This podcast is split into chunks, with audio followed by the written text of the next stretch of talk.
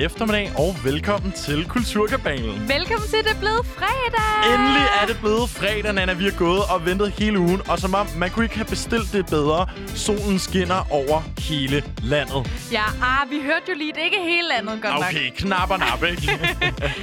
Sådan må det være. Velkommen til, vi skal lave en masse spændende ting i dag. det skal vi i den grad. Mit navn er Lukas Klarlund. Og jeg er Nana Mille. Og Nana, når du siger, at vi skal lave nogle spændende ting, hvad er det så egentlig, du mener?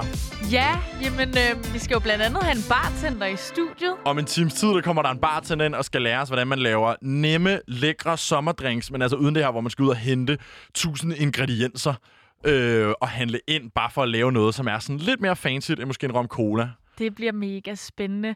Lukas, jeg tænker på, nu er du jo ikke helt sådan en, øh, der følger med i Celeb News. vel? Ikke så meget, nej, det er jeg faktisk ikke. Nej, det må, det må du lige indrømme. Det må jeg ikke? indrømme, jo. Men øh, vi står faktisk lige nu midt i, øh, i mange af de her celeb-par, celeb-ægteskaber, som falder lidt fra hinanden. Nej, Og endnu vildere er det ligesom, når det sker i mediernes søgelys. det er Ikke? klart.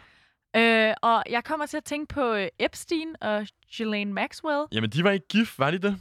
Nej, men de var stadig... Øh, De var i et eller andet form for, for forhold, ikke? Men det er jo faktisk lige kommet frem i retten, at uh, Ghislaine er gift.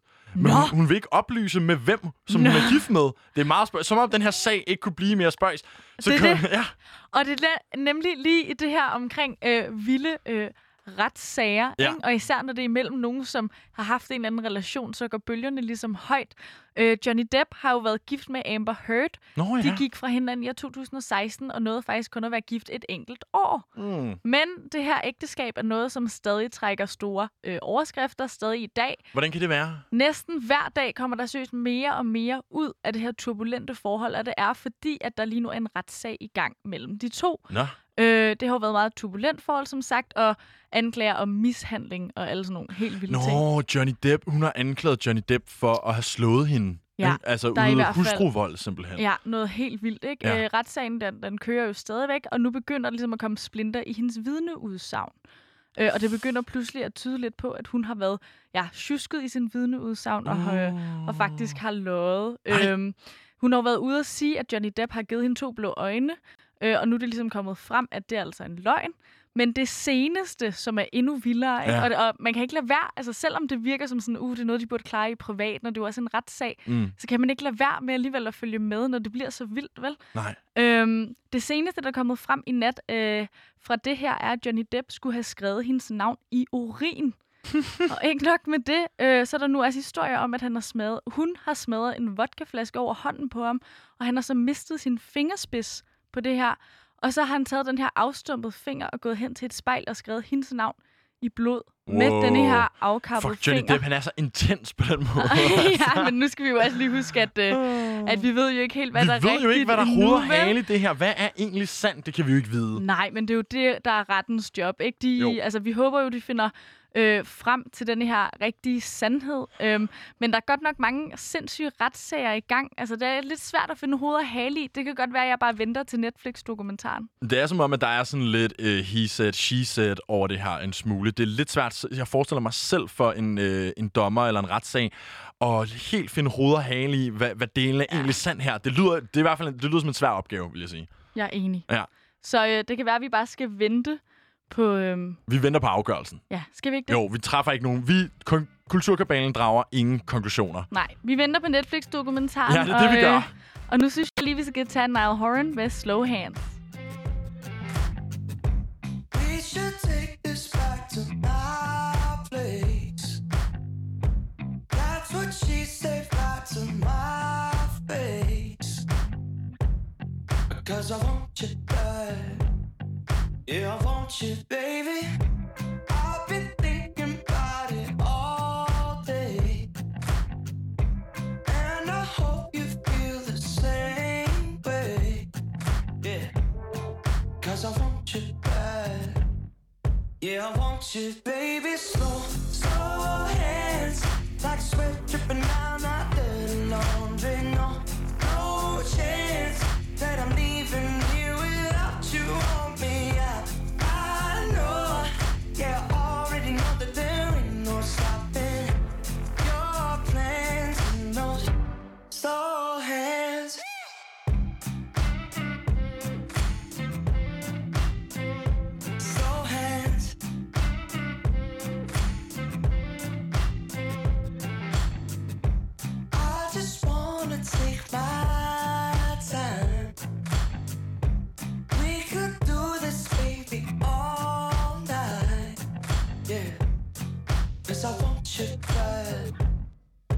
Yeah, I want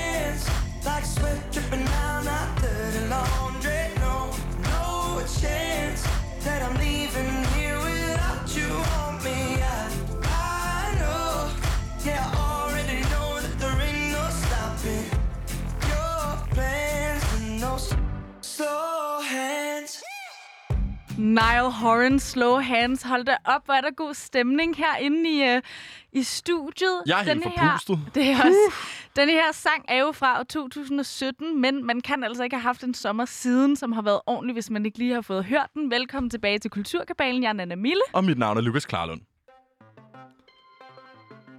Og Nana, nu skal vi til noget, som ikke måske er helt øh, lige så festligt som øh, Niall Horan nu her. Eller hvad? Ja, eller måske endda. Øhm, der har jo været øh, lidt kritik øh, de seneste par uger, eller måske endda de seneste par måneder, Ja. af ungdommen i de danske byer, der larmer og støjer med deres højtalere, musik, fest og glade dage ude øh, i de danske parker.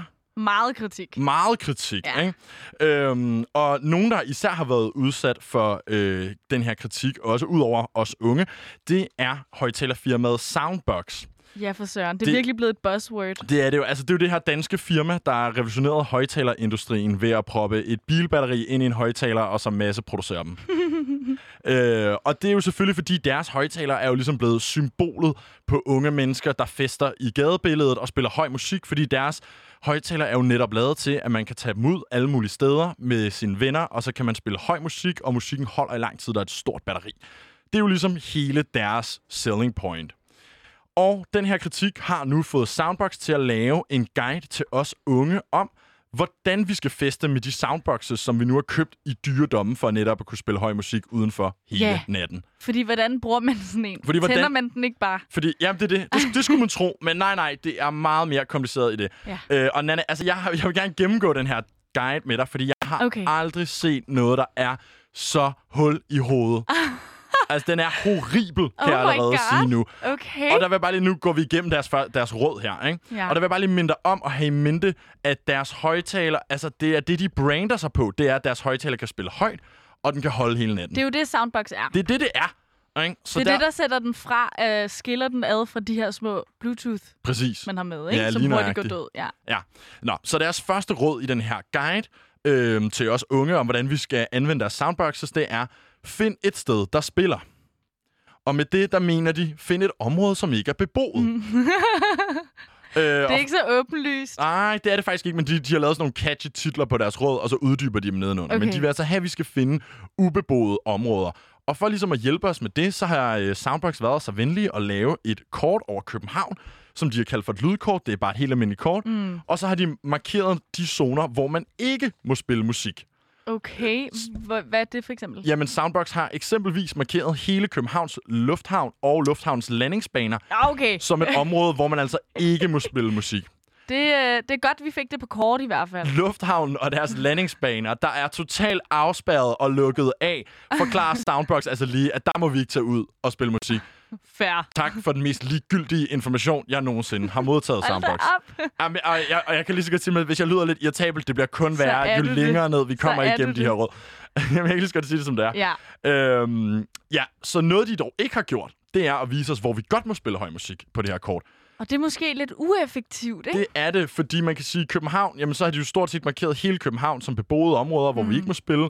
Og så har de jo markeret alle parker, golfbaner og selvfølgelig lufthavnen som områder, hvor vi heller ikke må spille musik. Så tak for det kort. Det er Tak for super info. brugbart. Råd nummer to. Hvis du holder fest i din egen lejlighed, så sæt en seddel op i gangen, gerne en uge før. Ja. Som om Men hvad vi har ikke det med det. soundbox at gøre? Altså, Det er da noget, man har gjort i, altså, i årtier. prøv at høre, medmindre det er første gang, man nogensinde er flyttet hjemmefra, eller aldrig i sit liv har haft mere end fire mennesker op i sin lejlighed Ja. samtidig, så ved man godt, at det er god stil at sætte en seddel op. Ja, hvad har det med soundbox at Det gøre? har intet med soundbox at gøre. og altså, det, det er her, hvor jeg bliver endnu mere vred, fordi de taler til os, som om vi er idioter, ja. når vi i virkeligheden bare er festtrængende. Ja, Okay? jo. Er du klar til råd nummer tre? Ja, hit me. Søg om tilladelse, ikke tilgivelse. uh, jeg kan se det i dine øjne. Det er slet ikke dig. Du er så meget typen, der spørger om... Øh... Altså, jeg, jeg vil sige det sådan her. Ja. Ja. Hvis, jeg, jeg, kan, jeg, jeg kan ikke engang gå for meget ind i Nej. det her råd. Jeg vil øh, i stedet bare øh, citere den amerikanske præsident og sige, Wrong. wrong, Skal vi ikke lige tage den igen? jo, Wrong. bang. Og jeg lover, er den, den kommer igen senere hen øh, i løbet af programmet, den her lyd. Ja. Men det er simpelthen bare for at sige, helt ærligt, altså, come on, soundbox. Øh, det, det er forkert. Man skal altid spørge om tilgivelse. Også fordi, så siger de, søg tilladelse hos Københavns Kommune, Ah, okay. som om... Tror I, vi distortion? Ja, to, og men også selv hvis jeg skrev til Københavns Kommune, hej, jeg vil gerne holde en fest i Nørrebroparken for 99 af mine venner, så jeg stadig holder mig inden for coronaretningslinjerne, mm. som om vi nogensinde vil få tilladelse til det. Så det er derfor, jeg siger, lad os dog spørge om tilgivelse i stedet for. Sind måske det dårligste råd, de har givet. Ja. Øhm, nu springer jeg lige et råd over her, hvor de sammenligner deres højtaler med en Tesla. øhm, The nerve. ja, the nerve. The confidence. Og så hopper jeg ned til råd nummer 5. Sæt din soundbox på indoor mode. Øh, det giver ikke rigtig mening. Vi er udenfor, og har købt soundboxen for at kunne tage den med ud i naturen. Det er hele jeres selling point for det ja, her produkt. Ja, ja. Og nu siger I, at vi skal anvende en indstilling, som I selv har valgt at navngive indoor mode, Ja. når vi er udenfor. Det er dårlig marketing. Ja, Det skulle de have tænkt over. Jeg tror, mit problem med de her råd egentlig ikke, at jeg er så meget op at køre over det, som du skal, men jeg, Jeg er synes, det virker nemlig sådan lidt hul på en eller anden måde, fordi det er sgu lidt unfair, at de brander sig på, at det er det her, de er. Så skal de hellere bare own den, Mhm. Ja. men de, skal, de kan ikke få lov til at være den, den sjove mor Nej. og den strenge far. Du kan ikke både være den sjove onkel, der bygger den her totalt fede højtaler, og så samtidig være den strenge mor, der siger, men I må ikke bruge Skru den her, her, her og skru Ja. ned. Altså, det, det går totalt imod deres brand. Ja, Nå. men det er bare, fordi de har fået så meget øh, ballade, tror jeg. Men det er sjovt, du nævner det her med mor, der kommer og siger skru ned. Fordi nu rykker vi nemlig over i det, som jeg vil kalde for okay-mor-kategorien Okay. af Eller Soundboxes okay, råd. far. Eller okay, far. Men uanset hvad, så er øh, råd nummer 6 her, som altså jeg kalder for okay mor-kategorien. Mm. Råd nummer 6 har overskriften Glas kan gøre nas. Jeg elsker til gengæld, når det rimer. Altså, jeg vil sige det sådan her, det er ikke titlen på en børnebog. Det Nej, skulle man næsten tro. nej, Glas nej. kan gøre nas. Ja. Øhm, pointen med det her er selvfølgelig, at vi skal rydde op efter os selv. ja. Tak for det, Soundbox, som om... Okay, men igen, det er bare underligt. Det føler ikke rigtig specifikt, at noget med soundbox at gøre. Det, det har det jo heller ikke. Nej, det er bare generelt sådan festkutume i offentligheden. Åbenbart. Altså sådan, men jeg tror simpelthen, at de er blevet så nervøse for, at øh, deres højtaler hele tiden bliver associeret med udendørs feste, at, øh, at Ja. nu, nu skærer de bare alle over en kamp og siger, øh, køb øldåser i stedet for glasflasker, jeg, hvis føler, I kan. jeg føler bare, det er forkert, at soundbox er dem, der gør sig til, forkert. til dommer over, hvad, hvad, der ligesom er god festkutume. Også Når fordi, det er dem, der har opfundet det her monster. også fordi hallo, øh, der er rigeligt af mennesker og myndigheder og debattører Det det. og aviser, Det som hver eneste dag er ude og sige, hvor meget vi larmer. Øhm, vi behøver ikke også at høre det fra et højtalerfirma. Nej, det er faktisk det sidste, vi skal høre dem fra. Det sidste råd, vi lige skal igennem her fra Soundbox Guide til, hvordan vi skal feste udendørs, det er, Åh oh, nej, du sukker. tænk på børnene, er deres sidste råd. Think of the children. Think of the children. What about the children? Og her der mener de jo altså, at vi skal være opmærksomme på, hvilken musik vi spiller. Ja. For der kunne være nogle børn, som overhørte musikken. Så ifølge Soundbox, så må vi for eksempel ikke spille pattesutter, men skal i stedet spille Rock Casino. Okay. Det, det er Og den der ikke- med My Love. Jamen, det ved jeg udmærket godt, Ja, ja, det er jo også en god sang. Og det, er slet det ikke kan godt det. være, at jeg kan bedre lide den end den anden. Men igen, jeg synes bare ikke, at det er dem, der skal fortælle Nej. os det. Hvis jeg har brugt 6.000 kroner på et anlæg, så skal jeg altså heller ikke blive shamed for at spille det på det anlæg. Nej. som jeg selv Men vælger. vi må spille, hvad vi vil, og som om børn ikke hører nogle af de her udtryk alligevel. Øhm, We are the world. jeg synes faktisk, det her er det sidste råd her er ekstra nedladende skrevet, ja. hvor de nævner øh, pa- pattesutter. Øhm, fordi pattesutters øh, nummer Technopic var årets Roskilde-hit i 2018. Ja. Så det er nok en af de sange, der er blevet spillet allerflest gange fra en soundbox. ja, og så er det lidt som om, de vender sig mod deres egne. Ja, og så skriver de jo sådan, altså, øhm, ej, øh, lad være med at spille pattesutter, eller hvad det nu hedder.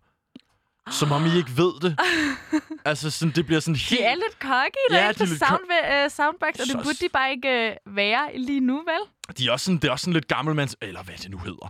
Altså, det er Ja, også sådan lidt gammelmandsagtigt. Så, så altså, opfordringen herfra er simpelthen bare, Soundbox, tag lige sammen, genfind lige jeres ung, um, ungdomlige, cool brand, i stedet for at sidde Ja. og lave kort over, hvor vi ikke må spille højlydt musik med jeres højtaler. I kan ikke være begge dele. Og så til sidst vil jeg bare sige, Soundbox, I skal eddermame ikke bestemme, hvad for noget musik vi må høre. Så nu skal vi i den grad høre Pattesutter med Technopic.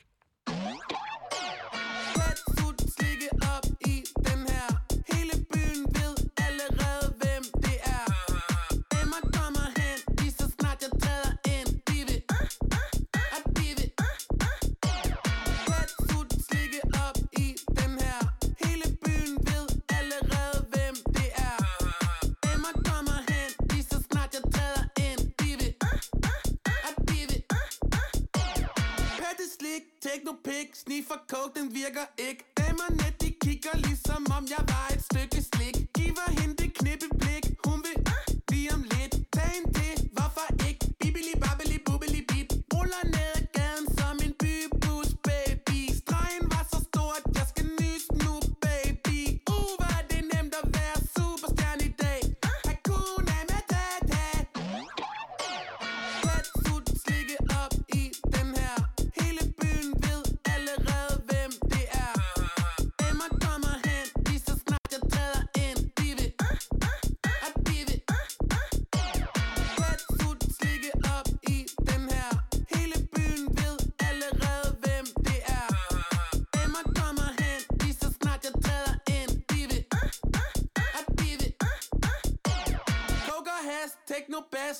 sutter, giver den gas. Spiritus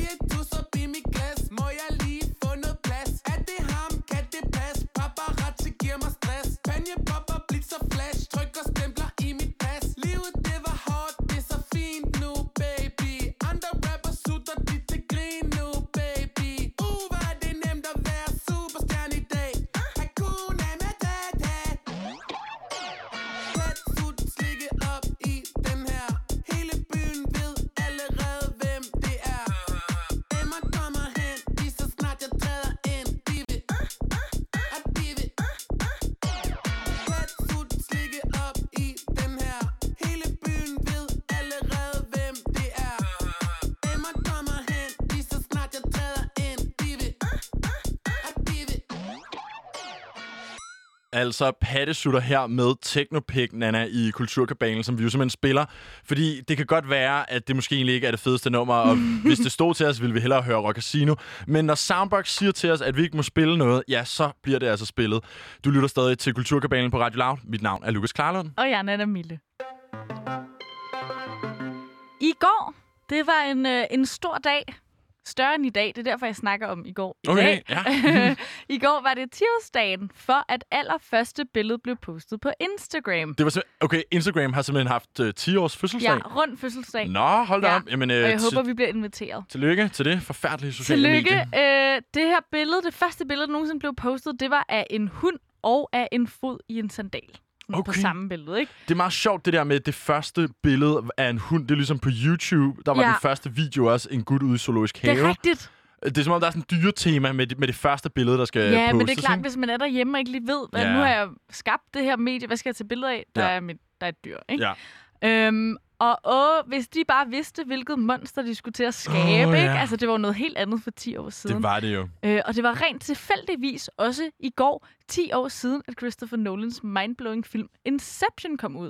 Og der ser man bare, at de to ting, der måske har forstyrret mit mentale helbred mest i hele verden, ja. simpelthen kom ud på præcis den samme dag i går for 10 år siden. Kan vide, om det er tilfældigt, eller om vi alle sammen er blevet lidt inceptionet af Instagram Ja, og okay. dens alternative virkelighed. Ja, åh. Har den suget os ind i en drømmevirkelighed, Når hvor Christopher Nolan bare altså, havde planlagt det. er spot on. Ja. Det er faktisk Christopher Nolan, der har Instagram. Mm. Det er det ikke, jeg lyver.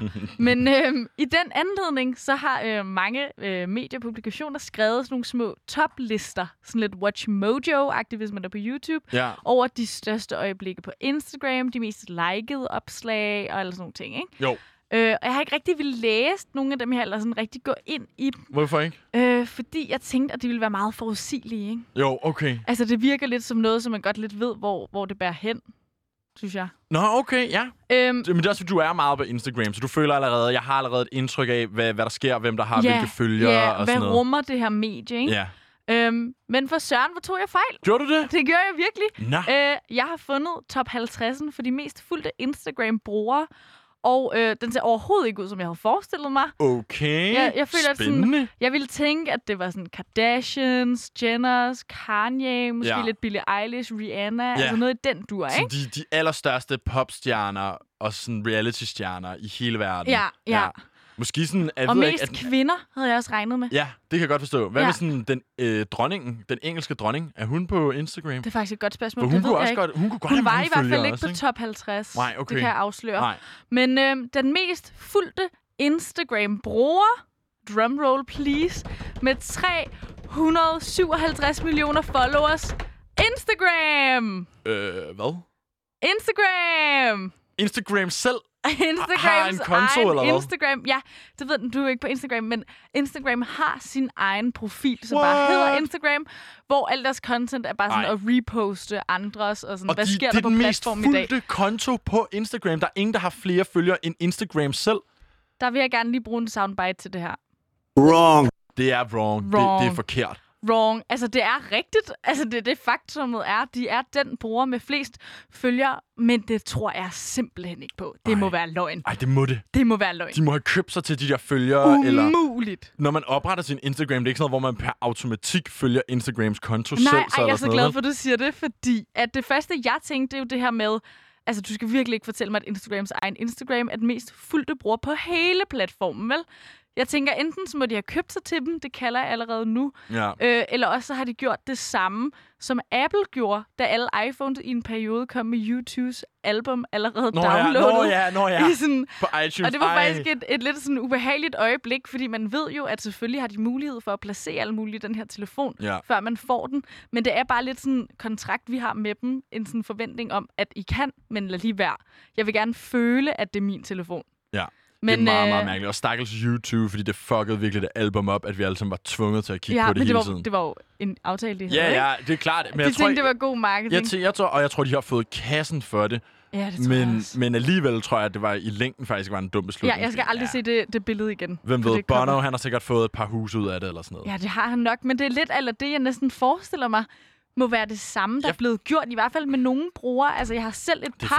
Instagram-brugere, og den er, altså, det er ikke, fordi den følger Instagram automatisk. Det har mine brugere i hvert fald aldrig gjort, og jeg har heller ikke gjort det overlagt. Det svarer til, at den mest likede Facebook-side var Mark Zuckerbergs, eller Facebooks Ja, egen. hvis Facebook havde en Facebook-side, Ja, ikke? det tror jeg, de har. Ja, ja, men det er det, og YouTube har jo også deres egen YouTube-kanal, men Vil- den subscriber jeg skulle da heller ikke til. Det giver ikke nogen mening. Det gør det virkelig ikke. Den mest followede, followede bruger på sådan- Twitter skulle være Twitter. Ja, Det er jo, ikke- vi er der jo ikke for at følge platformen. Nej, vi, vi er jo på platformen. Jeg følger allerede platformen. Ja, bare jeg ved at være på, på min pla- ja. telefon. Jesus Jeg Christ, det er godt op. nok åndssvagt. Jeg synes faktisk, det er lidt mærkeligt. Ja. Øh, også fordi jeg kender ingen, der Nej. følger den her Nej. side. Hvem har interesse? Det er altså heller ikke særlig godt content i min optik. Øhm, og jeg tænker bare, no way. Jeg var sikker på, at det ville være Kim K. eller Kanye, Der er uler i mosen der. der er uler i den her Nå, men- Insta-mose. Men i- okay, lad os antage for et øjeblik, at det nummer et er Instagram. ja. Hvad er der ellers af opsigtsvækkende ting på den her top 50? Jamen, du kan få i hvert fald nummer to også. Ja, Den anden mest fulgte Instagram-bruger er af alle mennesker Cristiano Ronaldo. Nå. Med 230 millioner followers. Øh, og jeg kan dertil fortælle dig, at af en eller anden grund, så er det bare fodboldspillerne, der dominerer er det rigtigt? Instagram. Og hvad sker der lige for det? Fordi det der det er der aldrig nogen, der taler om. Nej, men Vel? okay, men, men der bliver jeg måske lige nødt til at tage noget i forsvar, når du siger, Ja. det er der aldrig nogen, der taler om. I din boble, i din Instagram-boble, hvor algoritmen har regnet ud, du ikke gider at se fodbold, Ja, så er kommer der ikke noget op. Og, men men Nej, men jeg generelt mener er det mere, jo... det er jo ikke den konnotation, Nej, man har, når Nej. man tænker Instagram. jeg har hørt meget mere om Kim Kardashians og Lige Kylies præcis. Instagram og Fie Laursens Instagram Ja. for den sags skyld, end jeg har om Cristiano Ronaldos Instagram. Ja, og klassisk Insta-billeder, det er jo sådan noget med billeder af noget mad og nogle modeller i bikinier, ikke? Altså, det er i hvert fald de konnotationer. Jo, jo. man har. Men, øh, men, Men, det han er har bare også en flot krop. Cristiano Ronaldo, kan man sige. Altså, Jamen, det har det, han er jo den mandlige version af sådan en IG-model på en eller anden måde. Ja, ja, men, øh, men det overraskede mig bare. På top 50, der har vi også Messi på en 8. plads, Neymar på en 12. Okay. Og vi har også Real Madrids fodboldklub, Barcelonas Nå. klub, Champions League, David wow. Beckham og Ronaldinho. Ronaldinho alligevel. Ja, altså han er virkelig nede. Han er sådan 49 eller sådan noget. Okay, men, Men han nåede lige med. i top 50 er de mest Ja, fulde. Det er altså vildt, fordi det... han har haft sit peak. Ja, det har han nemlig. Men ved du, okay, men jeg har lidt en teori om det her også. Altså, Mm. man kan sige, fodbold er jo absolut verdens største sport. Og man kan sige, Ronaldinho og øh, Cristiano Ronaldo for eksempel, kan jo begge to snakke portugisisk.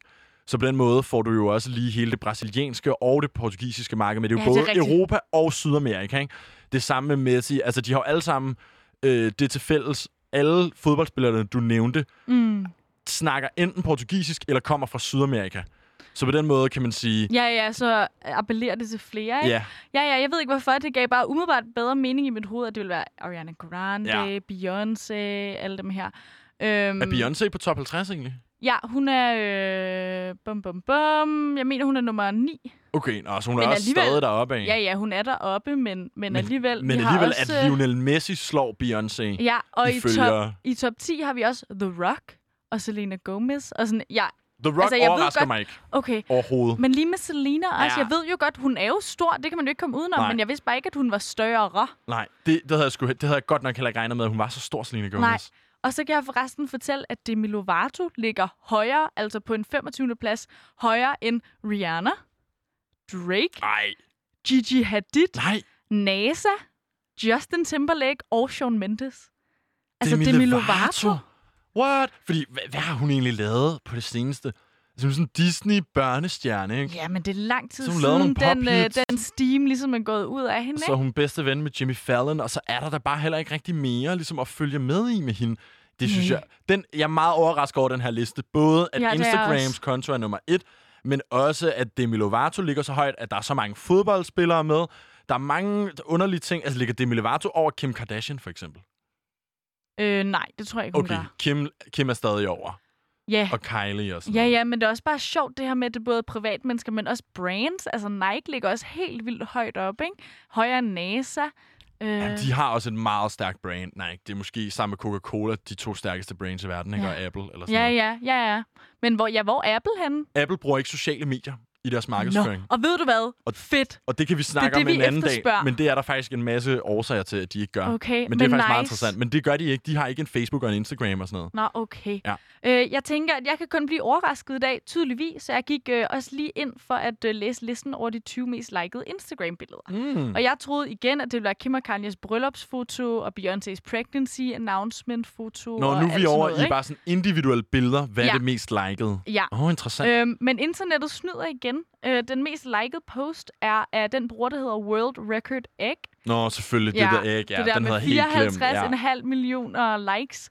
Det er simpelthen bare et billede af et æg. Det var ikke? godt nok en døgnflue, hele den der æggeting. Det kan jeg godt Det huske, det. at der var det Men, her øh, billede, at det var bare et æg på en hvid baggrund, og så gik Ja. det bare mok i likes, og inden Ja. for 24 timer, der havde det slået. Jeg tror, det var Kylie Jenner, der havde ja, ja. rekorden ja, indtil det da. var det nemlig. Ja. Ja. Også fordi, at det er lidt den her joke, rigtig internetagtig. Lad os tage noget Ja, og sådan skabe rod i det her system, som skal være en indikator for, hvad vi bedst det er kan lide. fedt. Ikke? Det kan jeg godt lide. Og ellers, øh, selvom man jo siger, at, øh, at det er madbilleder, der er de mest populære på Instagram, så det er ikke de mest likede i hvert fald. Det er rigtig meget sådan noget med, øh, på den her top 20, der har der blandt andet de sidste opslag, der er blevet lagt ud af Kobe Bryant og XXX Tentacion, som Ja. begge to er øh, gået, Gået bort. bort. ikke? Ja. Og så øh, er han har også ja, børnebilleder, altså børn, øh, billeder af øh, Kendisbørn, kendisbørn, Ja. Kylie, Kylies datter. Øh, og på 12. pladsen selvfølgelig et billede af øh, Cristiano Ronaldo, for han er jo åbenbart Instagram-kongen, har Han vi kongen fundet af ud Instagram, af i dag. Instagram selv, selvfølgelig. Ja, ja, det er klart. Øhm, så Instagram, Tillykke med de 10 år. Og tillykke med jeres egen førsteplads. Det er meget mærkeligt. Ja. Lad os tage 10 år mere. Jeg elsker at have dig, og jeg hader at elske dig. Jeg hader dig bare. Vores danske Medina, hun har selv 341.000 følgere, og hun er lige kommet ud med en ny sang til den lyse morgen. Så vil jeg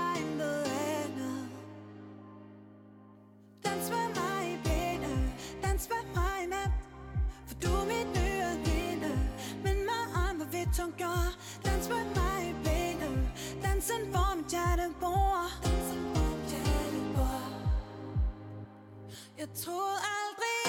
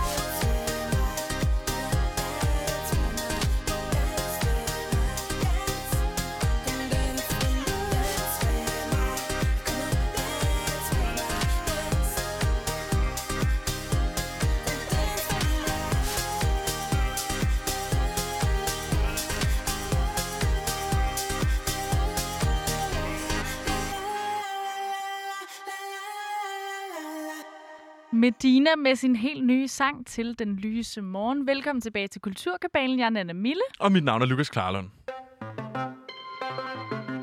Jeg vil næsten ikke sige ordet igen, for vi har sagt det så meget. Agurketid.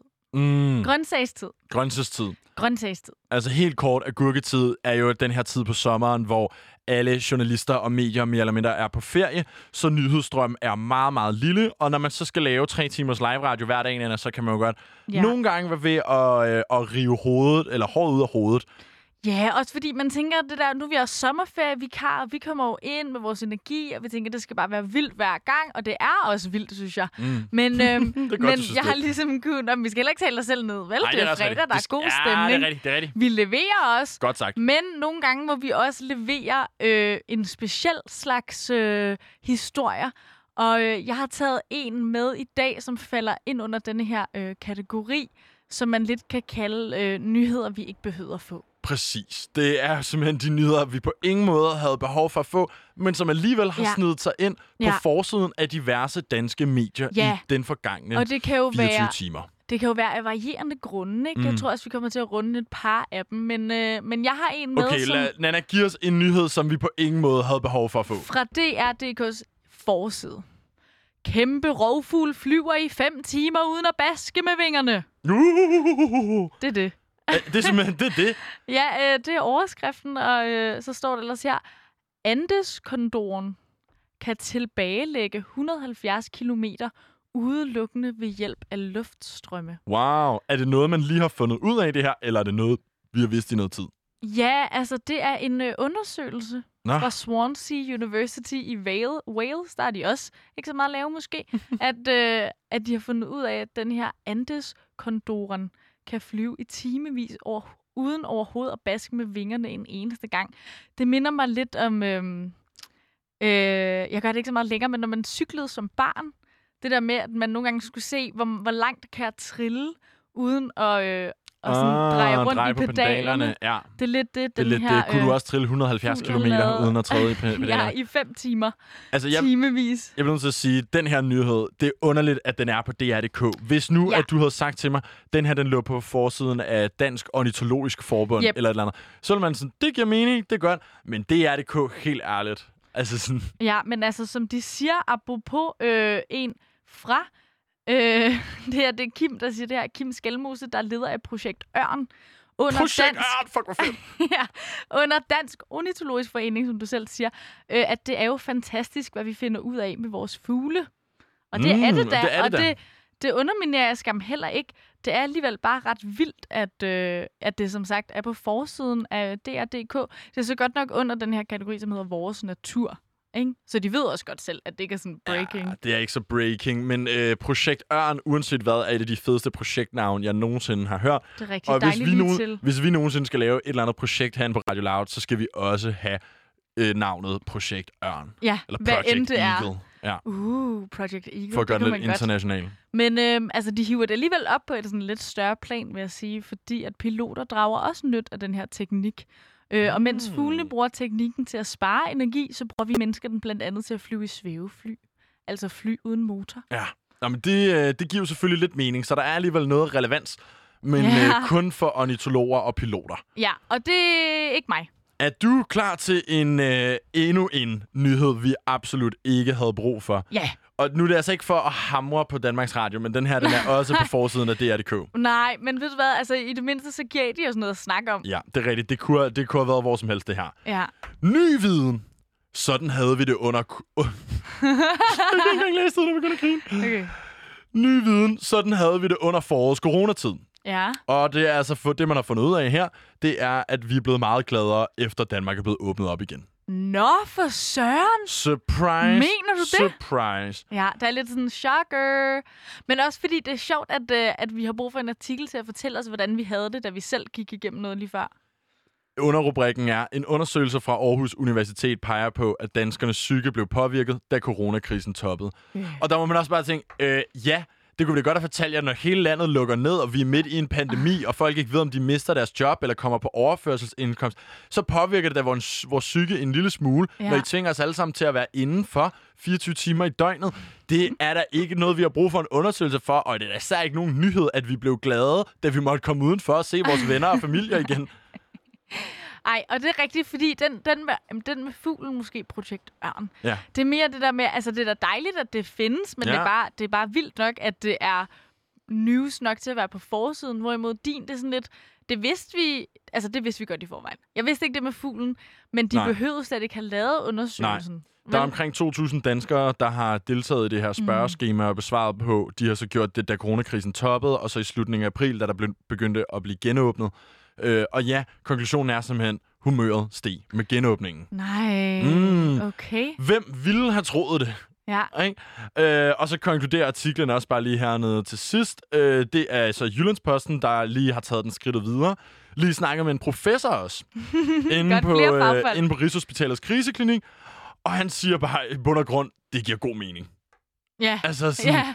Han er det giver sådan god lidt, mening. ja, selvfølgelig. Der er Hvad ikke så meget at komme med? efter. Der er ingen dikke der. Vi er ikke de eneste, der har lavet den her undersøgelse. Den er blevet foretaget i 30 forskellige lande. Så vi er nok ikke det- den eneste nation i dag, der sidder og kigger på forsiden af vores medier og tænker, nå, vi er blevet gladere igen, efter der er blevet åbnet op. Spøjst.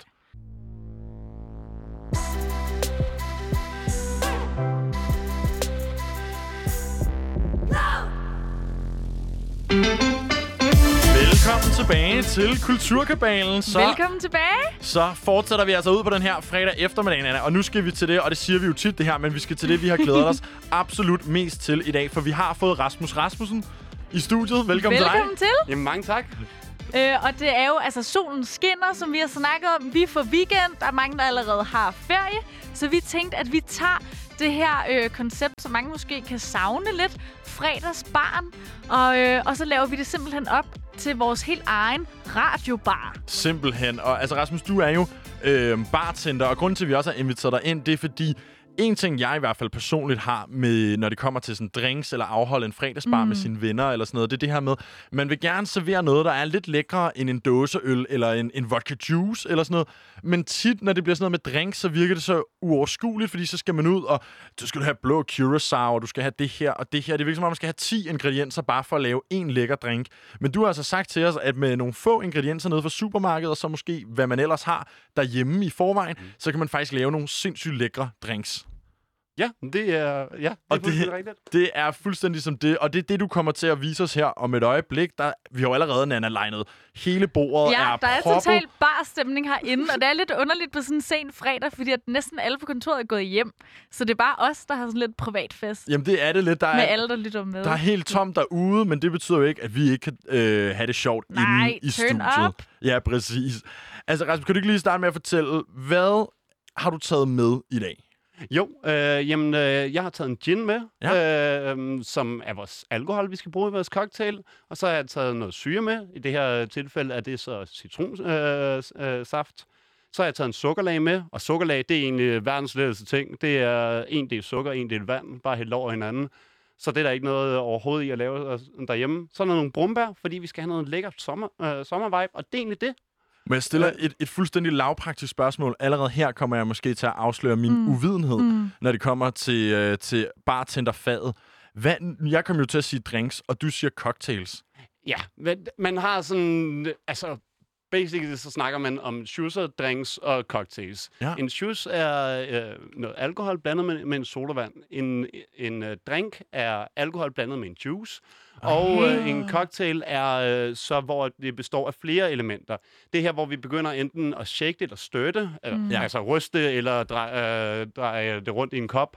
Øhm, og øhm, ja, og det der er med cocktails, det er, at øh, de skal drikkes hurtigt, øh, mm. fordi de falder sammen i sig selv, i sin bestanddel. Nå. Så, øh, Når mig og mine kammerater, øh, der også er bartender, vi sidder og laver drink sammen, eller cocktails, så siger vi, har vi en regel, der hedder kvarter, så begynder vi den på den næste. Okay. Så Hvad så, hvis man ikke har noget at drikke den inden for et kvarter? Skal man så bare bunde den, eller give op?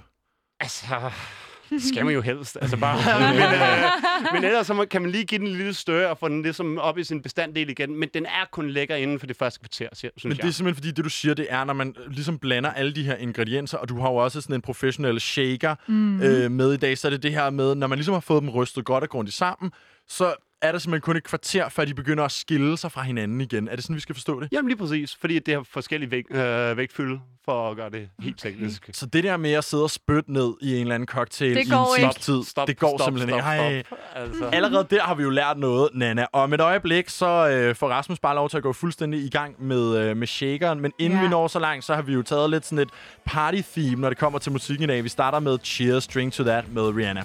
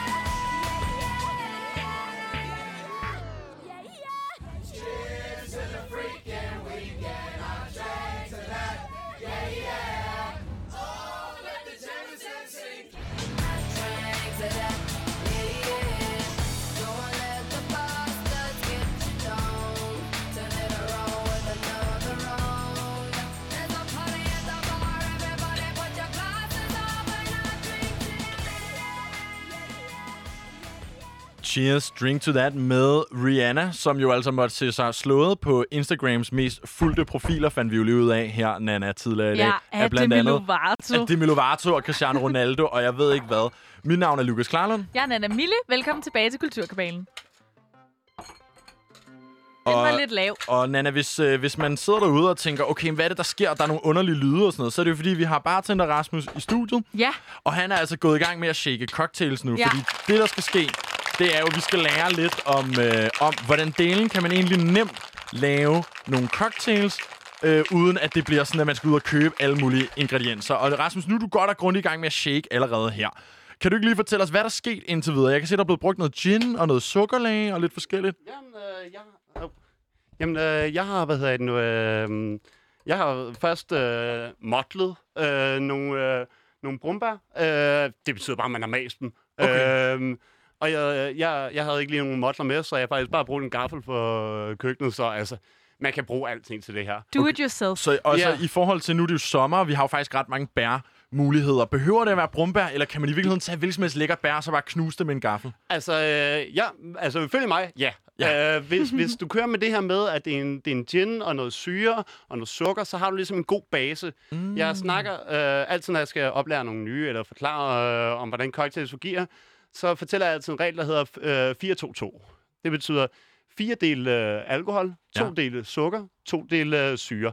Det er ikke 100% rigtigt, det her, Nej. men det er en god øh, Det er en tommelfingerregel. god tommelfingerregel. Okay, så det vil sige fire dele alkohol til to dele sukker og syre i virkeligheden. Ja. Ah, og, Og så, så, så har jeg proppet noget brumbær oveni, Ja. som, øh, for at vi ligesom får en smagsgiver. Ja, okay. Og som også giver en del farve, kunne jeg forestille mig, til, til Ja, ja, ja. drinken, ikke?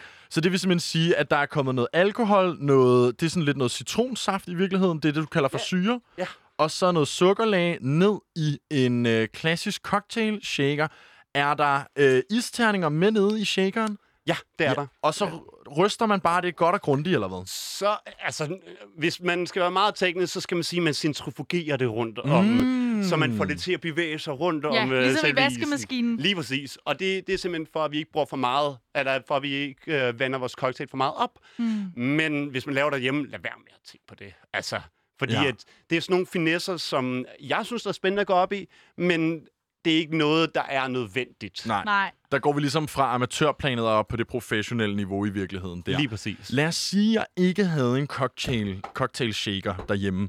Ja. Er det så noget, hvor man siger, det, Lukas, det skal du gå ud og anskaffe dig, det er et essentielt værktøj, eller kunne jeg i virkeligheden godt øh, slippe afsted uden? Du kan sagtens slippe afsted uden. Altså, jeg, jeg har personligt taget med her i studiet bare to... Øh, ja, hvad, Tupperware-agtige Tupperware, ja. plastikbøtter? Øhm, hvor at, øh, at det, jeg ville gøre, hvis jeg gjorde det derhjemme... Ja, jeg har sådan en stor si med.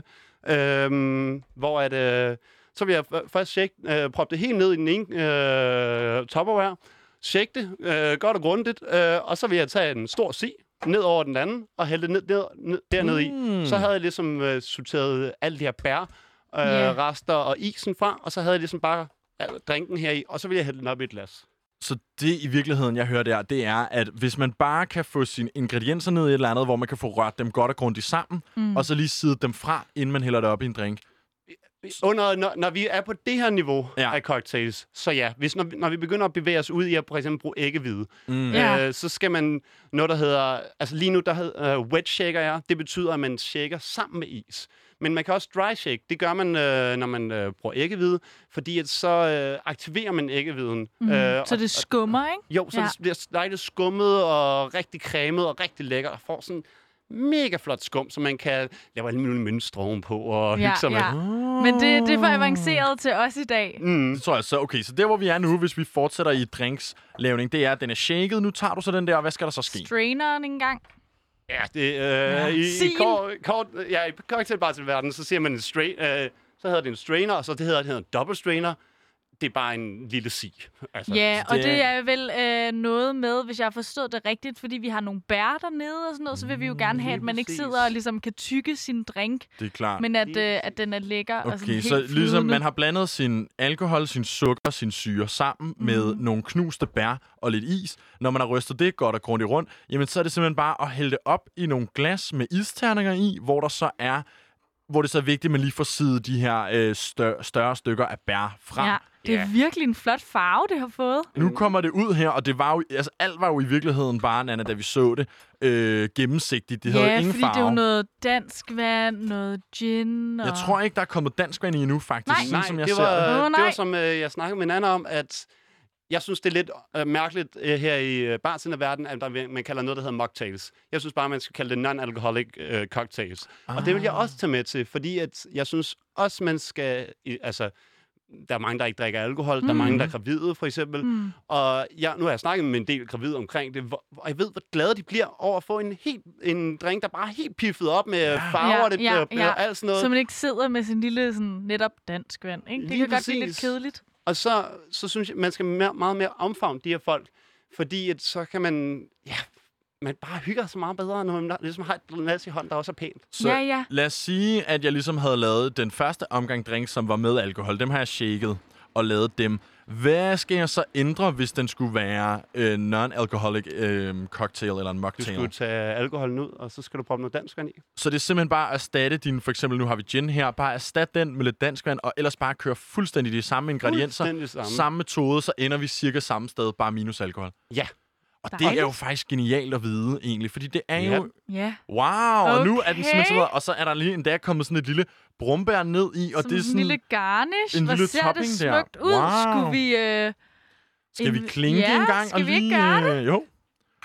Budum, sådan der. Den er godt nok flot, helt rød. så, øh, så smager Ja, vi lige en en gang, gang. så der lige lidt det er. Uha, den smager sindssygt godt. Så frisk Wow, og sommeragtig wow i det er meget, den er meget intens. Mm-hmm. Men, Men- det er jo også en cocktail. Mm. Ja. En cocktail, det er jo ikke en, du bunder ned Nej. i dig. Altså, det er jo en, du sidder og nyder og har det godt Inden med. for et kvarter. Ja, ja, ja. Inden for et kvarter. altså, Nå, men det er fordi, hvis du siger til mig, at jeg skal nyde det, så holder jeg på den her en times tid. Men øh, Men det, der også er interessant her, og det vidste jeg faktisk ikke i forhold til at lave drinks på den her måde, men det er, jeg har altid i mit hoved tænkt, at det er en cocktail eller en drink, uanset hvad, så skulle der ligesom noget opbland i. Altså, der skulle noget tonic, eller noget dansk vand, mm. eller noget sodavand.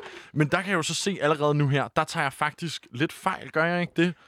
jo, det, altså, det vil jeg mene Ja. i hvert fald, at du gør. Øh, Nå, men du er vores altså, ekspert i du dag. er jo Øhm, eksperten. altså, øhm, man startede jo egentlig helt tilbage. Øh, der var der jo, det var jo cocktails, man kun drak. Øh, og der var jo ikke øh, alt muligt øh, dansk vand og sådan og sådan. Det var jo bare ren sprut. Man sad, Mm. og der var lige blandet op med lidt sukker. Øh, og så hyggede man sig ellers bare med det. Det er egentlig relativt sent op i cocktailhistorien, at vi... Nej, ikke relativt sent, øh, men det er sådan et godt stykke deroppe af, hvor at, øh, vi først begynder at introducere syre, mm. øh, og det introducerer vi så samtidig med æggehvide og får sours, som Ah. nok mange kender som en Ja. whisky sour for eksempel. Ja, Øhm, okay. hvis vi smed æggehvide den her, så vil det så være øh, en gin sour, hvis- hvis vi selvfølgelig tager øh, brumbærne ud. Altså, Jeg, jeg må indrømme lige nu her, når vi står, at jeg er utrolig fascineret over, hvor få ingredienser, der egentlig er blevet anvendt til Ja. at lave så lækker en Og det cocktail. smager faktisk af en cocktail, som jeg ikke rigtig lige føler, jeg kan placere. Altså før igen lidt det her med, mm. hvor mange gange har vi ikke været hjemme et sted og fået en gin tonic. Det er lækkert, men altså hvor mange gange kan vi få den, ikke? Men det her, det er sådan lidt af de samme ingredienser, men nu bare sådan lidt øh, genopfundet. Også fordi, Anna, prøv at forestille dig, hvis du skulle lave det her derhjemme. Ja. Isterninger, Ja. lad os antage, at man har det i fryseren, Ja, ellers det koster det en i hvert 20'er fald. nede i brusen, ikke? Ja. Men udover det, så er det jo i virkeligheden, okay, en slags alkohol, man skal have, mm. og nogle bær. Ja, og så kan man sige, valg. så er der jo bare i virkeligheden noget sukkerlag og noget citronsaft. Det er jo, som jo enten er noget, man har liggende, eller lynhurtigt kan bakse sammen. Mm. Min eneste bekymring, fordi citronsaften, jeg tænker, jeg kan købe, du har sådan en rigtig flaske stående her, Rasmus. Kunne det også bare være, at jeg havde øh, skåret en citron over på midten? Ja, øh, sagtens. Og der, kan man, der, der kører... Eller, altså, jeg, jeg kan bedre lige, at- lige at øh, snakke i forhold til limes, fordi den har jeg styr på. Ah, ja. Men øh, en øh, halv lime svarer cirka til en drink. Øh, Okay. Og det er jo en god Det er tommelfinger. meget nemt at sådan Det er det nemlig, sig. ja. Så, og så til det eneste, jeg vil faktisk være bekymret for, hvis jeg selv skulle lave det her nu, mm. det er den sukkerlag der. Det, altså, det, det forstår jeg virkelig godt. Det er også virkelig svært. Det, du skal gøre, ikke? det er, du tager en skål, og så hælder du øh, 500 gram, øh, gram sukker op i den, mm. og så tager du en halv liter kogende vand og hælder oveni, og så rører du rundt indtil det er klart. Okay, det er godt nok Og nemt. det var det. Det- det der var er- lidt det er ikke engang noget, der skal stå i Det længe er- eller sådan Nej, noget. det er så let at lave. Okay, Ja. du synes, Altså, det er jo Det simpelthen... er noget af det letteste overhovedet at lave. Okay, det er altså dejligt at få afkræftet nogle af de her myter, man godt lidt kan have, ikke? Fordi det, det lyder sådan lidt, det lyder altså meget fancy, men når vi virkelig kommer ned i det, så viser det sig rent faktisk at være øh, rimelig simpelt alligevel. Ja, men det er det også. Vi tænker, at øh, her i studiet, der øh, fortsætter vi lige med en omgang shaking, mens det bliver øh, hot in here, kan vi vist godt sige, med Nelly.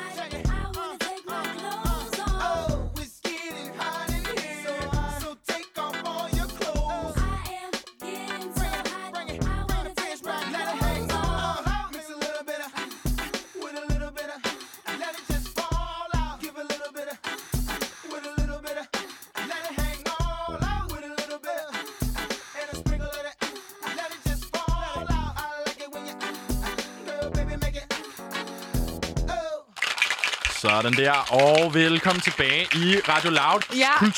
studio. Total øh, stemning lige nu herinde. Der bliver jo øh, fortsat shaket igennem. Vi har bare tændt Rasmus på besøg. Og øh, det er jo fordi, vi er gået i gang med at lave sådan lidt en øh, radiobar, en radiofredagsbar, ja, ja. Nana. Øh, der er nu allerede cocktails, og vi har fået en sindssygt god opskrift på, hvordan man faktisk med stort set hvilken som helst slags alkohol og nogle bær. Faktisk med resten af tingene kan man have i hjemmet, og så kan man faktisk få lavet sig selv nogle virkelig lækre cocktails. Det er mega lækkert. Du lytter fortsat til Kulturkabalen. Jeg er Nana Mille. Og mit navn er Lukas Klarlund. Og hvad ville en god fredagsbar eller en radiobar være, hvis ikke der var en musikquiz, Nana? Ja, ikke noget som helst. Ikke noget som helst Der værd. skal altid være det her konkurrenceelement i en eller anden forstand. Det skal der jo selvfølgelig. Og i Kulturkabalen, der gider vi ikke at lave sådan en klassisk nævn øh, titel- og kunstnermusikquiz. Vi skal ud i øh, noget lidt mere noget spøjst. lidt mere niche. Noget lidt mere makabert. Vores musikquiz hedder jo, er det en kunstig intelligens, kunstig intelligens, eller er det en rigtig menneske, der har lavet sangen? Ja, fordi de her AI's, øh, den her kunstige intelligens, som man jo taler om, sådan the singularity, det er jo øh, begyndt at bevæge sig derhen, også i det kreative arbejde nu, hvor de kan øh, varetage nogle af de her øh, ja, lidt mere kreative jobs, som det er for eksempel at lave musik og skrive en sang. Øh, og man tænker normalt, robotter, det er dem, der kommer til at overtage nogle lidt mere praktiske ting, men nu er Mm. de altså også begyndt at lave musik, og du skal jo så teste øh, Rasmus og jeg nu, Lukas, på om, øh, om vi egentlig kan kende forskel. Så den måde, vi kommer til at gøre det på, og man kan jo spille med derude, hvis man sidder og lytter med, men det er, at vi starter med dig, Rasmus. Jeg, øh, nu spiller jeg øh, en sang for dig, og du skal så bare i virkeligheden gætte, er det her en kunstig intelligens, der har lavet det fra bunden, eller er det en rigtig musiker, der har lavet den? Den første, den kommer her. Der er vi over i det klassiske hjørne her. Ja. Det er ret smukt i hvert fald. Og Rasmus, når du føler, at du har et bud, så siger du bare Jamen, til. jeg tror, det er kunstig intelligens.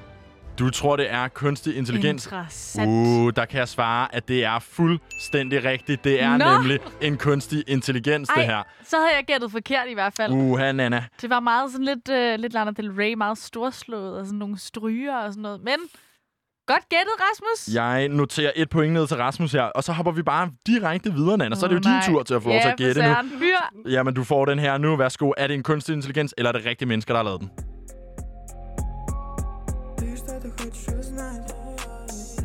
Der er lidt vokal. Ja, og det er altså ikke en vokal, jeg kan tyde. Så skulle det være, fordi at du har været snedig og taget noget udlandsk musik med. Du, øh, har du et, øh, et gæt, eller skal ja. du bare stå Jeg har og... et gæt. Jeg har et gæt. Okay, så stopper jeg den lige her engang. Hvad Jeg tror, det er en gæt? kunstig intelligens. Og der kan jeg så fortælle dig... Wrong! Det er en rigtig sang. Åh oh, nej, men det er fordi, nu er jeg inde i det der mindgame med mig selv, hvor jeg bare psyker mig selv ud. Det var, øh, det var ikke øh, en engelsk sang. Øh, jo, det var det. Nå. Det er The Limber og Andro med EXO. Okay, Øhm, måske det var det der mumble rap, så hvor jeg ikke lige kan tyde, hvad der bliver sagt. Jeg troede faktisk, det var robotsprog. Og Rasmus, nu er det jo din øh, første quiz her i Kulturkabalen, men jeg kan fortælle dig, at hver eneste gang Nana, hun svarer forkert i en quiz, så, Også når jeg svarer rigtigt. så kommer der en begrundelse for, hvorfor det var.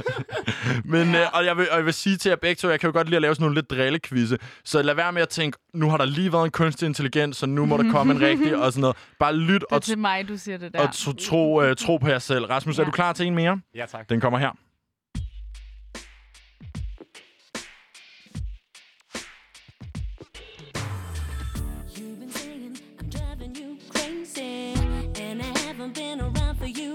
Du tænker, Ja, men altså, det, det, det er fandme lækker musik. jamen altså, det er ret godt i hvert Men fald. øh, jeg tror sgu, det er, det er, det er nogen, nogen, der har lavet den i virkeligheden. Du tror, det her det er en, øh, en rigtig person, der har lavet den, Ja, og tak. det er fuld... Åh, oh, det var en forkert knap. Det var ikke wrong. Det var fuldstændig rigtigt, det der. Det er nemlig en rigtig person. Det er Hearsay øh, med Pure and Simple. Så står den altså 2-0 til Oh Rasmus nu, kan jeg allerede informere, Nana. Ja, Er du, øh, er du klar til at tage et, ja. øh, jeg, et hvert forsøg fald, mere? jeg er ikke en dårlig taber, det er altid noget. Men, øh, men lad mig prøve igen. Du får en chance mere her. There's more to who Ja, der gætter jeg altså stadig øh, kunstig intelligens, fordi jeg synes... Nej, jeg skal ikke, jeg skal ikke forsvare det. Du øh, smider bare et gæt, Ja, og du siger jeg. kunstig intelligens, og det er fuldstændig rigtigt. Det er nemlig en kunstig intelligens, der her. Ja, den hedder Break. Free, den her sang. Skønt. Sådan Kunstig der. intelligens er typisk sådan lidt... Øh, det er lidt dystert, synes jeg, musikken. Ja. Det bliver sådan lidt uncanny valley, lidt ubehageligt. Ah, Det interessant. var faktisk derfor, jeg valgte, som jeg gjorde. Jamen, øh, velreflekteret og godt gættet. Nu står den 2-1 til Rasmus stadig. Ja. Og Rasmus, du får endnu en sang her. Er det en kunstig intelligens, eller er det en rigtig musiker?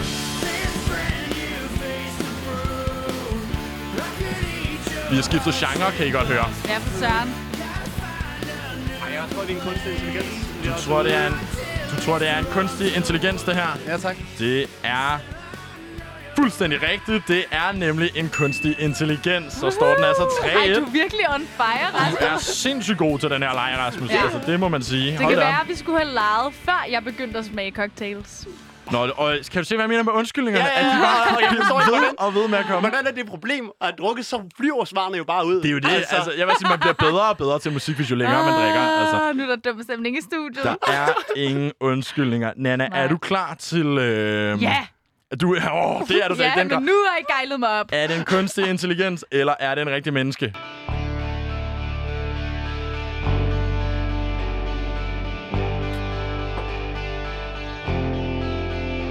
Jeg skal lige høre lidt mere. Ja, med ingen stress. Der kommer mere.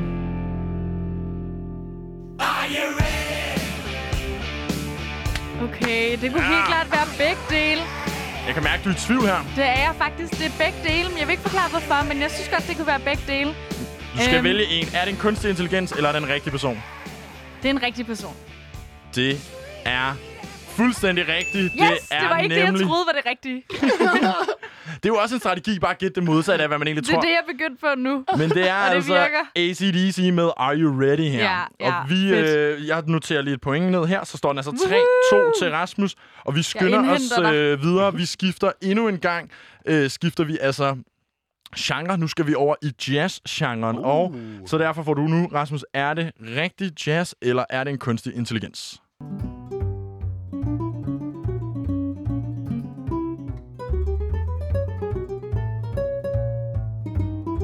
Det er kunstig intelligens. Du siger, at det her det er en kunstig intelligens, og det er fuldstændig rigtigt. Det Der er kunne nemlig... jeg faktisk godt tænke mig at høre lidt begrundelse. Okay. Det, du okay, øh, jeg, jeg har spillet bas. Ja, eller, øh, ja. Og den, den der måde, der, der er simpelthen ikke nok feeling i bassen. Altså, den, Okay. den, den er meget staccato. Øh, altså, en rigtig jazzbassist, som jeg vil øh, se det, vil hygge sig meget mere og være meget mere Okay. afslappet. Der mangler det menneskelige og, element. Jamen, og så bare den, og så sådan selve gribebrættet. Ja. Det kan man ikke rigtig høre, synes jeg, her. Okay. Altså, så det er bare sådan selv, det er bare noget, der er blevet spillet på en computer af. Okay. Men lige nu, der står den altså 4-2 til Rasmus Nana. Du kan stadig nå at hente den hjem. Du Nå. får også en fra jazz-genren. Er det en kunstig intelligens, eller er det et rigtigt menneske?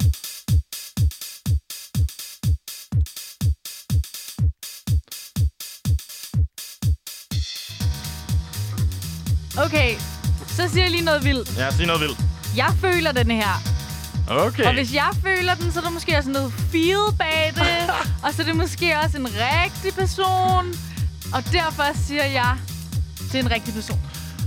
Og der bliver jeg desværre nødt til at sige, Wrong. Ja, jeg tænkte det nok. det er en kunstig intelligens, Ja. det her. Det lyder altså Desværre. også, det er lidt sådan en garagebane. Ja, det siger du nu, men lige før, der følte du den åbenbart, altså. Den står stadig 4-2 til Rasmus Nana. Du kan lige akkurat nå Kan at det? hente den hjem. Men øh, det kræver, at øh, både du svarer rigtigt, og Rasmus svarer forkert. Rasmus, ja. du får den næste. Vi rykker nu over i Eurovision. Uh. Kan jeg fortælle jer. Ja, til den afsluttende runde. Ja, Så spørgsmålet er, er det her en rigtig Eurovision-sang, eller er det en kunstig intelligens fortolkning af en Eurovision-sang?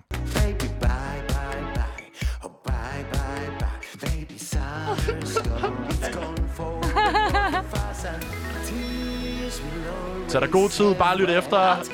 Den er også god. Vi kan godt nyde den lidt. Rasmus har svaret rigtigt på alle indtil videre, kan jeg fortælle. Det her det er hans du vild, sidste. du er for vild.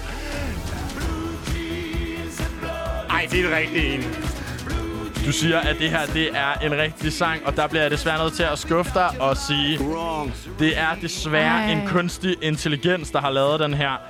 Men den lyder god, og som sådan en Ja, ja, rigtig. Eurovision-sang. Ja, det gør det nemlig lidt, ikke? Jo. Nana, lad os se, om du kan nå at hente noget som helst hjem, eller om Rasmus skal gå ud af studiet. stolthed Kan i, du, øh, i kan du hold? redde din stolthed? Nu spørger jeg dig, er det her en rigtig Eurovision-sang, eller er det en kunstig intelligens?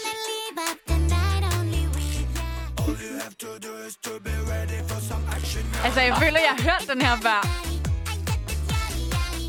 Jeg føler, jeg har hørt den før. Men alle Eurovision-sange lyder ens. Det gør de lidt, ikke? Jeg gætter på, at det er en rigtig en. Du gætter på, at det her det er en rigtig en. Ja. Og det er fuldstændig rigtigt. Uh, hvad endte vi på? Det, Hvad? det her er Ruslands øh, bud på, at- eller det er Ruslands 2020 Eurovision-sang Okay. faktisk, som Jeg hedder faktisk Uno. Okay, jeg har ellers ikke øh, hørt øh, rigtig alle de andre i år, men øh, det har vi nu. Men øh, jeg blev faktisk nødt til at sige... Ej, undskyld, jeg blev simpelthen nødt til at slukke for den her. Tak til Ruslands bud på en Eurovision-sang. Men øh, jeg blev nødt til at sige, uanset hvad, så øh, selvom du klarede det godt her til sidst, Anna, så Ja. har Rasmus domineret den her quiz. Ja, det må man Og vi sige. er endt på 4-3. Tillykke, Rasmus. Det er sgu Tillykke, Rasmus. godt klaret. Og hvor er det fedt, at du kommer ind som vores bartender, men så viser det sig, at du bare er vores AI-musikekspert. Hvad, synes du, det var, var det sværere, end du havde regnet med? Øh, nej, Nej, det var det jo så nok Ja, ikke. Var altså, det nemmere, end du havde Det var faktisk regnet for med? nemt for ham. altså jeg, jeg, havde troet, det var en musikquiz, jeg skulle ind i og svare på alle mulige ting. Ikke? Ja, det her ja. det var bare rent hygge. Det er nemlig ren hygge, og det er jo fortsat total fredagsstemning her i øh, Kulturkabalen, og øh, det kommer også til at afspejle sig i vores øh, musiktapet i dag, ikke? Det må man sige. Og nu hvor vi ligesom øh, sluttede den her musikquiz af øh, i Eurovisions tegn med både en AI Eurovision-sang og Ja. så selvfølgelig Ruslands 2020-bud Uno, så tænkte jeg, at øh, i samme forbindelse, så kunne vi måske også lige tage en rigtig Eurovision-sang og høre fra start til slut. Her er det selvfølgelig Loreen med Euphoria.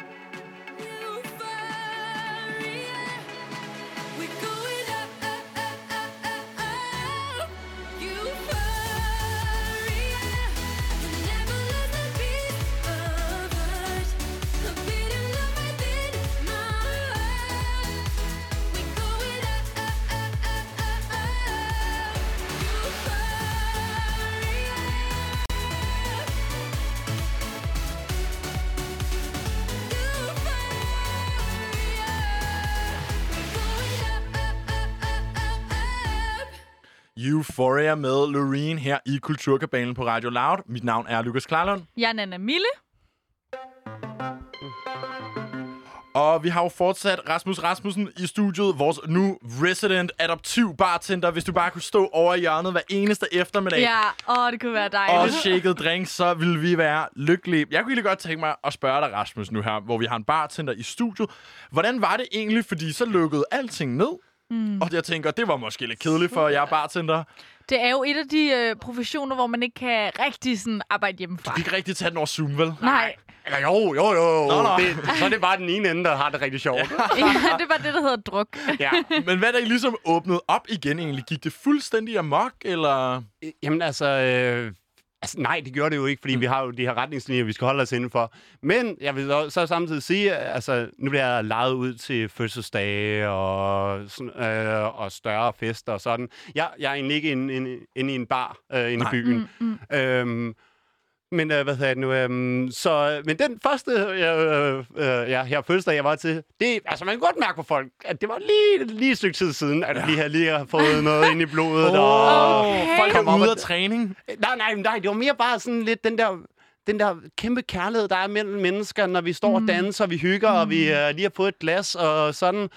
Altså, øh, og mig og min kammerat, øh, som, som er heroppe, øh, øh, vi havde det bare fucking hyggeligt sammen. Fordi vi, var, vi, vi havde Ja, jo ikke ja. lavet noget i, i øh, fire måneder på det her tidspunkt. Klart. Øhm, og så var det ret sjovt, fordi jeg sådan lidt, det er, jo ikke, det er jo ikke godt, hvis man lige skal kigge på kortet for, for at se, hvad det er, øh, hvad, hvad det er nu, man skal blande. Nå ja. Men øh, her, der kunne man helt ærligt sige, ved du hvad, jeg har ikke været på arbejde i fire måneder. Ja. Øh, og så var jeg sådan lidt, det er så fint. Nå, åh, det smager alligevel rigtig godt. Nå, perfekt, Ja. ja, vi kører. Og så værdsætter man det måske også lidt mere. De enkelte gange, jeg har drukket sådan under corona, der har været lukket ned, så har det bare været sådan lidt den nemme løsning. Ikke? Så jeg kunne da også mærke lige at drikke den drink der, altså bare der bliver gjort lidt mere ud af det, så ja. værdsætter man det mere. Og jeg tror da også, at ja, dem, der oplever, at vi åbner op igen, bliver lidt gladere for det. Jeg tænker sådan, nu her, det er ikke fordi folk bliver fuldere, nu hvor de ikke, fordi jeg, altså jeg har jo kunnet opleve, blandt andet på dig, Nana Mille, at det, det, da der ligesom blev åbnet op igen, og vi to skulle ud og have en fadøl, så, så, krævede, så tog en øl, så var Nana fuld, ikke? Fordi der var jo ligesom gået lang tid, hvor, hvor man ikke havde drukket. Det er rigtigt, men det er måske bare sådan, jeg er. Det kan jo også godt være, at det er bare dig. Men er det sådan en generel tendens, det der med, at øh, uha, det er lang tid siden folk har været ude, så når de får de der første par drinks, så glemmer man lidt, hvor hurtigt man bliver fuld? Altså, nu skal det også siges, som jeg sagde, det er meget fødselsdag, jeg bliver lejet ud til. Mm. Og øh, for at være ærlig, så det er ikke os unge mennesker, der har råd til en øh, cocktailbartender, der står og laver Nej. cocktails Ah, det er hele måske aften. rigtigt. Så er det folk, der er lige lidt længere op i årene. Ja. Og øh, der er altid en del, der bare bliver farfulde. så øh, altså, nogle gange til de der øh, julefrokoster, når man ser de der sådan, Uh. Der er 50, 60-årige, så kan man godt mærke, at de er lige blevet lukket ud for... De har ligesom tre gange, de bliver lukket ud om året, og det hedder sommerfester og noget julefrokoster, Ja. så de skal bare have ja. Ja. en kæppe i øret, ikke? Ej, vi vil, ja. Og altså sådan lidt, for det meste, så har jeg sgu ikke noget mod det, så længe at de ikke står og vælter min bar. Det er altid sådan lidt... Er det sket, at nogen ligesom er kommet til at vælte baren? Ja. Wow. Har du ikke nogen, øh, har du ikke nogen sådan vilde historier? En vild historie, det ved jeg ikke, hvad, om hvad? Hvad sker Men, der, hvad sker der øhm, når, når man kommer til at vælte din bar, for eksempel? Altså, det er lidt, lidt øh, muggen. Det, Det må kan jeg godt forstå. sige, Fordi jeg har jo alle mine væsker stående foran mig, og de har jo kun lige sådan en hurtig prop på sig, og nogen har ikke. Og så altså bare blevet drivet våd. Det er jo bare pisse irriterende. Ja. du, det altså ryger ud over dig, selvfølgelig. Ja, og... og det her det er jo sukkervand, så det, mm. altså, ens øh, skjorte kommer til at sidde sådan rigtig behageligt på kroppen. Uh, altså. Jeg kunne godt tænke mig at høre, når man booker sådan en bartender for eksempel til sin fødselsdag, Ja. øh, er det sådan, at du ligesom, der er en fast pris for dig, og så betaler man noget per cocktail, du laver? Det, Eller... øh, lidt vælger jeg forskelligt. faktisk at plane mig helt udenom. Okay. Øh, jeg får løn. Ah, på den Øhm, måde. Så det har, du har ikke noget med det på den måde at gøre. med Ja. økonomien, det har min chef noget med at gøre. Ja. Dejligt. og alt, der hedder min løn, har jeg med min chef. Så nogle gange, når, nu- der har jeg også prøvet, at folk har været sådan noget, øh, altså man kan forlænge og så har Ja, det ligesom ja. et vist beløb. Mm. Og så er de kommet over til mig, og var det sådan, jamen altså, jeg har hørt, det koster det her, det her, og så er det sådan, ved du hvad, det ved jeg ikke noget om. Nej. Øh, det, må, det er en sag mellem dig øh, Ja. og min chef, Mm. ligesom det er en øh, sag mellem mig og min chef, min løn. Ja, Det og hvad nu, hvis man gerne vil have fat i dig? Hvis man gerne vil have en som dig til ens fødselsdag eller arrangement, hvordan, hvordan leger man dig? Jamen altså, hovedsageligt arbejder for noget, der hedder Flytbar. Ja. Øhm, det er et, ja, det er en uh, cocktail catering firma, øhm, som, altså, jeg vil være ærlig, de laver et sindssygt godt produkt. Mm. De er, øh, de er, ikke, de er ikke de billigste på markedet, Mm. Men personligt, så er det dem, jeg synes, der er fedest at arbejde for. Fordi at jeg har været andre steder, hvor at, så man skulle skynde sig afsted, og så... Og det er ikke den slags bartender, jeg er her. Nej. Jeg er en, hvor du står og kigger mig i øjnene, du står og snakker med mig, du har en god samtale. Øhm, jeg fortæller dig om, hvad du laver, hvad du er på vej til at få. Jeg kan fortælle dig historien bag øh, cocktailsene. Mm. Men det der øh, hurtige noget, det er også derfor, jeg ikke er i byen mere. Fordi at der står bare og folk og råber og skriger af hinanden, og, Mm. og det gider jeg faktisk ikke. Er der en drink, hvor du sådan der, det gider jeg simpelthen ikke at lave længere? Ja, det er jeg træt. Øh, hvad er den, øh, altså, jeg kan godt lide at kalde den Mojito. Nå, Men- mojito. Ja, jeg kalder den også en mojito. Mojito? Ja. Ja, Okay. Mojito, det var, der var en, øh, det var, ah, det er for et par år siden, øhm, så er der en øh, ældre herre, der kommer op til mig i baren, og han, altså sådan lidt, han kommer op og siger, jamen jeg var, jeg var øh, på, øh, på udlandsrejse med min kone for et par år siden, Ja. og så prøvede vi sådan en Mojito. og der var jeg bare sådan, du er en. Altså, Ja. Så har du været på udlandsrejse, når du har Ja. fået en mojito. Ja. Så Altså. gav, fik han så den mojito? Ja, ja, han fik en Mojito. Ja. Og så lige siden, så er jeg bare lidt sådan, det hedder Mojito. Ja. Altså, Men den er du lidt træt af at lave. Ja, og det er simpelthen fordi, at øh, den mængde tid, jeg skal investere i at lave Ja, den og lave den er den, god... kompliceret. Nej, den er bare lang. Okay. Og ved, jeg kunne bruge den samme tid på at lave noget, der var tre gange så lækkert. Ja. Altså, så jeg har det bare lidt sådan lidt, hvorfor skal jeg bruge så meget tid på at lave noget, der næsten ikke smager noget, når jeg kunne lave noget, der smager af voldsomt meget? Men det er jo faktisk meget godt at vide, fordi jeg kan godt finde på at bestille en mojito, men nu ved jeg i virkeligheden, at til samme pris og samme ventetid, der kan jeg i virkeligheden få, i virkeligheden få noget meget øh, Ja. ja. Det er jo et, et godt at vide, et godt bartenderråd. Hvis ikke man vil pisse sin bartender af, så skal man lade være med at bestille en mojito. Ja. Det er 100% rigtigt. Og med de ord, Mojito, så skal vi altså øh, først og fremmest, øh, du bliver her jo bare, men øh, tusind tak, øh, Rasmus Rasmussen, vores bartender og AI-musik-ekspert, har vi jo fundet Det ud må af. man sige. Er du sindssyg? Vi skal sige tusind tak til Rasmus Rasmussen, vores nye yndlingsbartender, som forhåbentlig kommer ind og er bartender til vores julefrokost. Det var alt Kulturkabalen noget i dag, for nu er klokken 17, og vi skal have nyheder.